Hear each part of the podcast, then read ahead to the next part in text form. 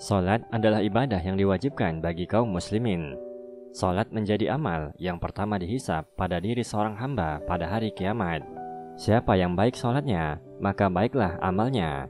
Siapa yang tidak baik salatnya, maka rusaklah seluruh amalnya. Salat bukan hanya sekedar kewajiban belaka, melainkan harus memenuhi syarat dan rukun salat serta memberikan pengaruh yang baik bagi kehidupan seorang muslim. Jika seseorang rajin salat, namun tidak mampu memberikan pengaruh yang baik bagi kehidupannya, maka hal itu bisa menjadi kerugian besar pada dirinya.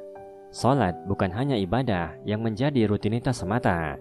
Lebih dari itu, salat juga membuat seseorang memiliki akhlak yang baik dan mencegah dirinya dari perbuatan kemaksiatan. Salatnya mencegah dirinya dari keinginan mencuri. Salatnya mencegah dirinya dari keinginan berzina. Salatnya mencegah dirinya dari keinginan melakukan segala bentuk kemaksiatan. Allah Subhanahu wa taala berfirman, Sesungguhnya salat bisa mencegah dari perbuatan keji dan mungkar. Quran Surah Al-Ankabut ayat 45 Adanya golongan orang-orang yang rajin salat namun tidak mampu mencegahnya dari melakukan perbuatan maksiat, maka bisa menyebabkan mereka masuk ke dalam neraka, sebagaimana golongan berikut. Golongan orang yang salat namun suka minum khamar. Khamar atau minuman keras termasuk barang yang diharamkan karena memberikan efek kerusakan bagi tubuh maupun pikiran. Bagaimanapun, minuman keras yang memabukkan dalam Islam sangat dilarang. Rasulullah bersabda bahwa minuman keras merupakan induk dari segala macam bentuk kejahatan. Siapa yang meminumnya, maka sholatnya tidak akan diterima selama 40 hari. Dan apabila ia mati, sementara ada khamar dalam perutnya, maka ia mati sebagaimana matinya orang jahiliyah. Tidak hanya meminumnya, Rasulullah juga melarang kita untuk mendekati minuman keras. Allah Subhanahu wa taala berfirman, "Hai orang-orang yang beriman, sesungguhnya meminum khamar, berjudi, berkurban untuk berhala, mengundi nasib dengan anak panah adalah perbuatan keji dan termasuk perbuatan setan. Maka jauhilah perbuatan-perbuatan itu agar kamu beruntung." Sesungguhnya setan itu bermaksud hendak menimbulkan permusuhan dan kebencian di antara kamu lantaran meminum khamar dan berjudi dan menghalangi kamu dari mengingat Allah dan sembahyang. Maka berhentilah kamu dari mengerjakan pekerjaan itu.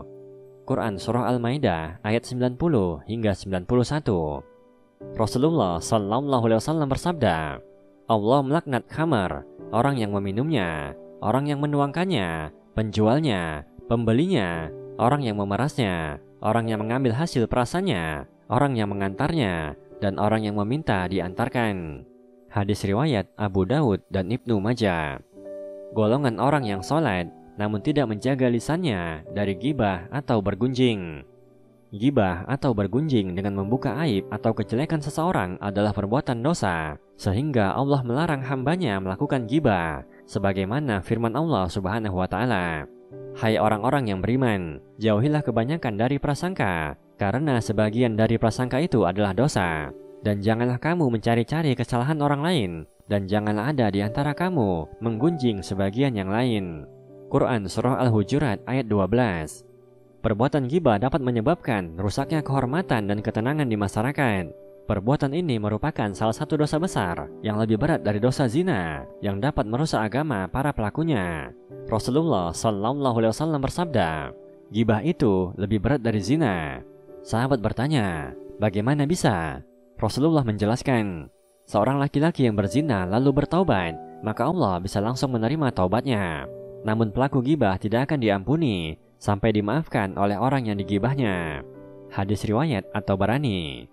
Kelak di akhirat, orang yang suka gibah akan dimintai pertanggungjawaban di hadapan Allah Subhanahu wa taala oleh orang yang digibahnya amal kebaikannya dibayarkan kepada orang-orang yang pernah digibahnya. Setelah amal kebaikannya habis, maka amal keburukan orang-orang yang dia zolimi ditimpakan kepada dirinya.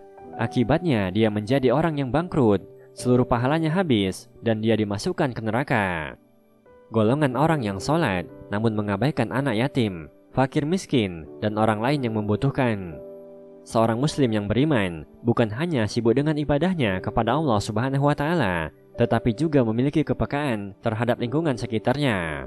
Tidak akan sempurna iman seseorang jika dia masih mengabaikan anak yatim, fakir miskin, dan orang-orang yang membutuhkan pertolongannya, padahal dia mampu.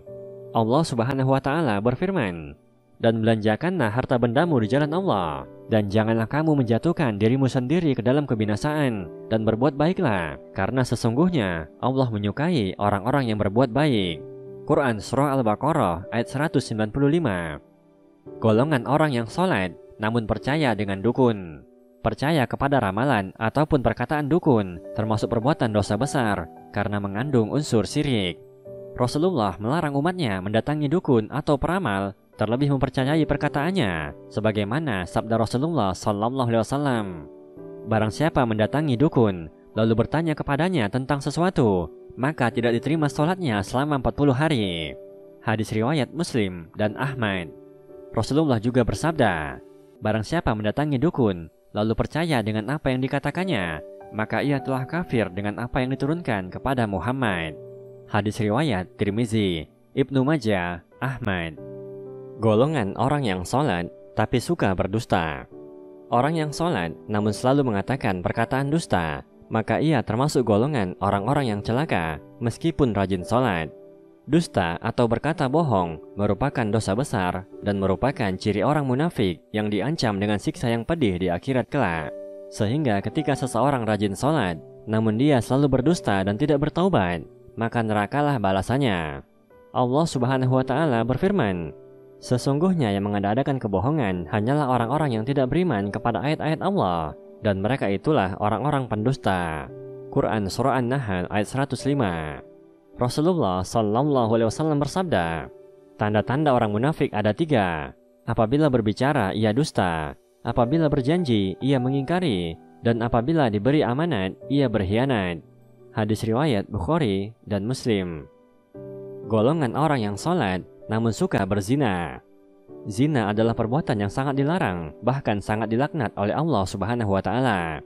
Oleh sebab itu, orang yang melakukan zina atau bahkan hanya mendekati zina akan mendapat azab yang sangat pedih. Allah Subhanahu wa taala berfirman, "Dan janganlah kamu mendekati zina. Sesungguhnya zina itu adalah suatu perbuatan yang keji dan suatu jalan yang buruk."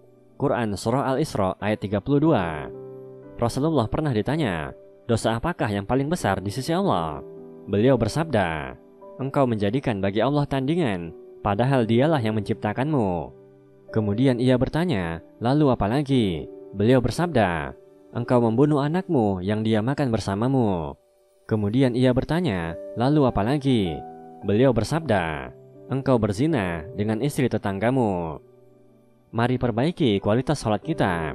Sudah seharusnya salat mencegah kita dari segala perbuatan keji dan mungkar.